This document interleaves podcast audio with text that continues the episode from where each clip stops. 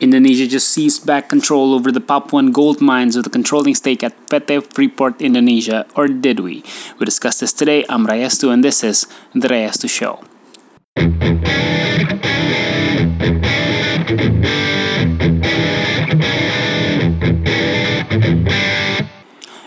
So, before we begin discussing this, we need to start with a bit of history for context. So, Freeport has been operating in Indonesia since 1967 uh, when it struck a deal with the Suharto government to run operations at uh, Tembagapura, I believe it's called, uh, the Ertsberg and Grasberg mines. You know, this can, these consist of copper, silver, and gold. It's set to hold the, the largest gold reserves in the world, uh, I believe. So they've completely flattened uh, Ertsberg Mountain, and they've moved on to Grasberg's Mountain when they uh, where they operate, where they continue to operate today.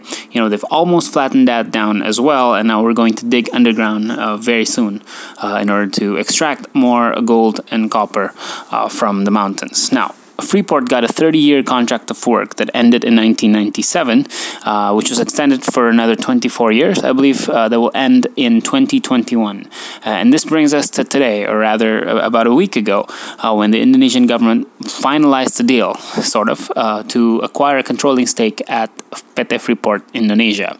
So, um, Indonesia, through our state owned mining company PT Inalum, uh, purchases an additional 40% share of PT Freeport Indonesia for 53 trillion rupiahs, or about 3.75 billion dollars.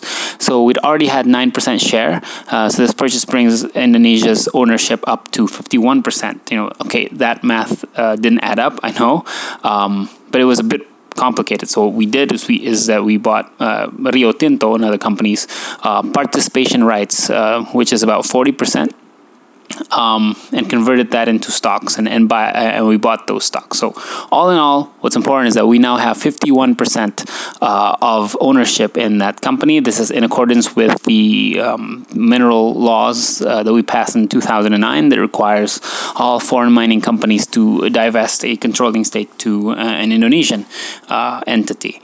Um, so Freeport McMoran, you know, they've been dodging this divestment criteria uh, for years. You know, they've used loopholes within the law because presumably they didn't want to seize majority control over their uh, Indonesian subsidiary, but uh, rumor has it they finally succumbed to Indonesian pressures uh, in recent year and proceeds to uh, divest their shares. You know, I think this claim is quite dubious, and I'm going to explain why uh, in just a second after this. Okay, so it's important to note that this deal has not been finalized. You know, what was signed was what's called the head of agreement. You know, negotiations over nitty-gritty details are expected to continue uh, in the coming months, but the general terms have been agreed, and we're about you know, we're, we're supposed to pay approximately 3.75 billion billion dollars uh, to obtain these shares. You know, um, it's a done deal. You know, it's a done deal, head of agreement, but it's not you know finalized.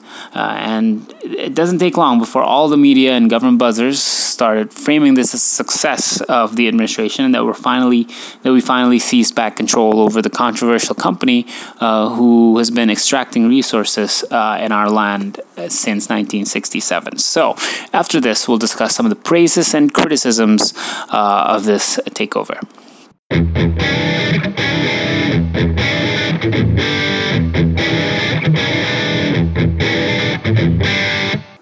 Okay, so a lot of politicians and government buzzers on the same political spectrum as uh, the current administration uh, has been wildly praising this uh, as a massive success that we're able to finally get what's rightfully ours, um, the Papuan gold resources. You know, a lot was say a lot was said about how for decades Freeport didn't want to seize control over its subsidiary PT Freeport Indonesia, and then finally Jokowi, with his grit and negotiation forte managed to do the trick and all that uh, nonsense. Okay, so first up, it's a stock purchase, it's an acquisition. We pay money, we get stocks. I mean, I don't buy for a second that, you know, um, Freeport McMoran didn't want to divest or seize their shares because simply they didn't want to lose grip over Papuan gold. I don't think it actually takes much diplomatic effort. It's, it's you know, any company or any wealthy person with shitloads of money can offer to purchase Freeport shares, and if the offer is good, uh, then Freeport's board will be compelled to accept the offer. You know, lest they might get sued by their shareholders for not representing their interests. You know, say you own a company, uh, you own shares uh, of that company. Somebody wants to go in and, and buy your shares at, at, a, at a really high price, higher than, than the price you perceive those shares to be. Of course, you would want you would you know want to at least consider the offer, right? So you know, I don't think their nationalistic sentiments or what have you um, stops them from from considering any offer from from our government's part. So I think the price didn't match before; it might have matched today. We could also offer to buy British Petroleum, for example, or Chevron if we had the money, and they would sell. You know, if the, the if the price is right. You know, so I don't I don't really think we we we had to force them into divesting. You know, we just threw money at them and they'll sell. You know, if the money's good enough, they'll sell. Okay, so the only difference now is that uh, they're willing to share their stocks for the price that we uh, are willing to buy. So the more important question to be asked is this: Is the 53 trillion uh, rupiah uh, that we're paying for an additional 40% stake at Freeport is a good deal or a bad deal? Because an acquisition in and of itself cannot be a success or a failure. It'll be a success if you know we underpay for the stocks it will be a failure if we overpaid for it you know if the value of the stocks increases over time and it increases at a much faster rate than the cost of capital it's a good deal if not it's a bad deal okay Inalum, of course, claims it's a good deal. the price uh, they're offering, they say it's in line with uh, Deutsche Bank and Credit Suisse analyst estimates. Uh, but you can never really trust uh, you know these investment bankers 100%, right? You know, so let's wait until their next round of financing. Say you know they they launch an IPO in a, the next couple of years. We'll see if the valuation of the company uh, has increased uh, at a at a faster rate than their cost of capital. So so so we'll see. You know, if if, if that happens, it's a good deal. If not, it's a bad deal. We don't know. Okay, so let's not paint this as a success yet because we don't know if we're overpaying uh, or underpaying uh, for uh, the deal. So um, we'll talk about some of the criticisms that, that uh, this deal has received from the other end of the political spectrum. But before that, I'm going to ask you to hit that follow button on, on SoundCloud, Apple Podcasts, or Spotify. Yes, we're on Spotify now. So go check that out. You know, leave a comment, review, share this show to your friends, message me on Twitter. It'll, it'll really help me out. Okay, so please, please go ahead and, and do what you can to promote the show. The Rayestu Show is an Indonesian podcast that discusses politics, economics, or anything in between.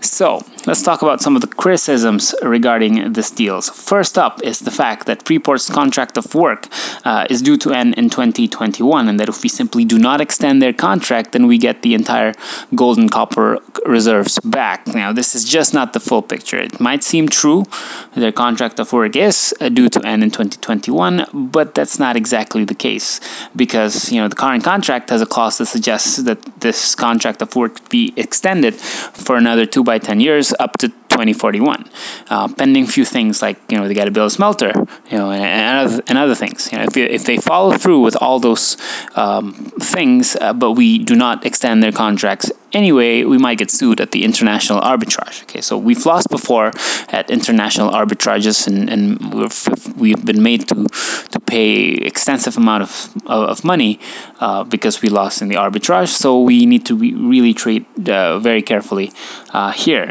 Also, even if we do get the reserves back, the property, the facility, the land on top of uh, the mines still belong to PT Freeport Indonesia.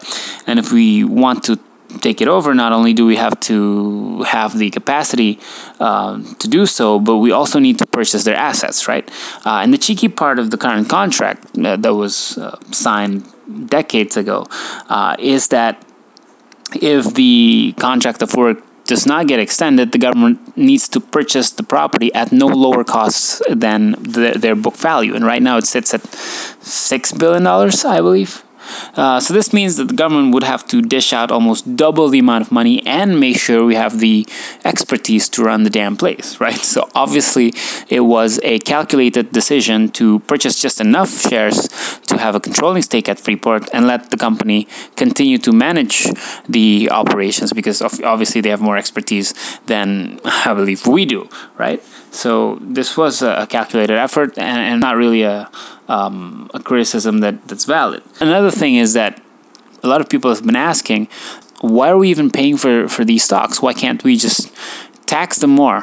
You know, why can't we just uh, exert higher royalty payments or, or make a law that says that any um, mineral exports out of uh, Papua uh, is now taxed at 70% or, or 80% for that matter, right? And the answer is the same, you know, same as, as the one I just gave, that we might get sued for not respecting the sanctity of, of contract. Uh, and also the investment climate would really deteriorate, you know, uh, because companies would think twice before investing in Indonesia for fear that someday they too might be subject to, you know, such thievery by the Indonesian government. But I think what's what can be relevant or what can be a valid point is that we should keep these things on the table as we negotiate with Freeport as, as to um, the price that we have to pay for their shares. We need to make sure that we have this car- these cards on the table to say that hey, probably next year I would have to tax you for all the environmental damages that you're causing to um, the environment in Papua, right? So these things can work uh, in our favor because we are the government, uh, we should be able to, to, to pull these tricks out um, and get a better deal. So um, that's uh, that's another thing. Okay, so another criticism is on how are we going to pay for the takeover? This is 53 trillion rupiahs, still not a, a small amount of money. Uh, the government's critics they love to cite Indonesia's increasing foreign debt, you know, albeit as a nominal amount. But what do they care? You know, I've self-explained in in a previous podcast. So this 50, 58 53, 58 trillion rupiah uh, will be added to the deficit, uh, they say, but that's not going to happen, right? So PT Inalum, of course, is not going to pay in cash. Uh, they have secured loans of up to uh, 11 banks to finance uh, this acquisition. So this is another case of the government forcing its SOEs to borrow at its behest, and, and therefore the government doesn't have to report the, the borrowing on its uh, national on the national books. You know, it's a cheeky trick, but they've been using it a while. they've been using it in a in major infrastructure projects that you know, it's the SOEs that carry the debt, not the the, the government. Uh, and good amount of criticisms I think can be leveled towards uh, t- towards this kinds of practice because um, uh, it's it's not a very good behavior. It's, it's, not the best thing in the world. I would say that this is a ticking time bomb for Indonesian SOEs. That uh, if things don't work out, uh, they might go underwater. So. Um, well, we might we might have to discuss that in a particular topic at another podcast. Um, but you get the idea. You get the idea. It's not the best thing in the world to have your companies uh, borrow at your behest because you want to pursue a, a certain uh, national goals. So after this, I'll discuss uh, a little bit on the real owners of these resources in Papua, which is, of course, the Papuans.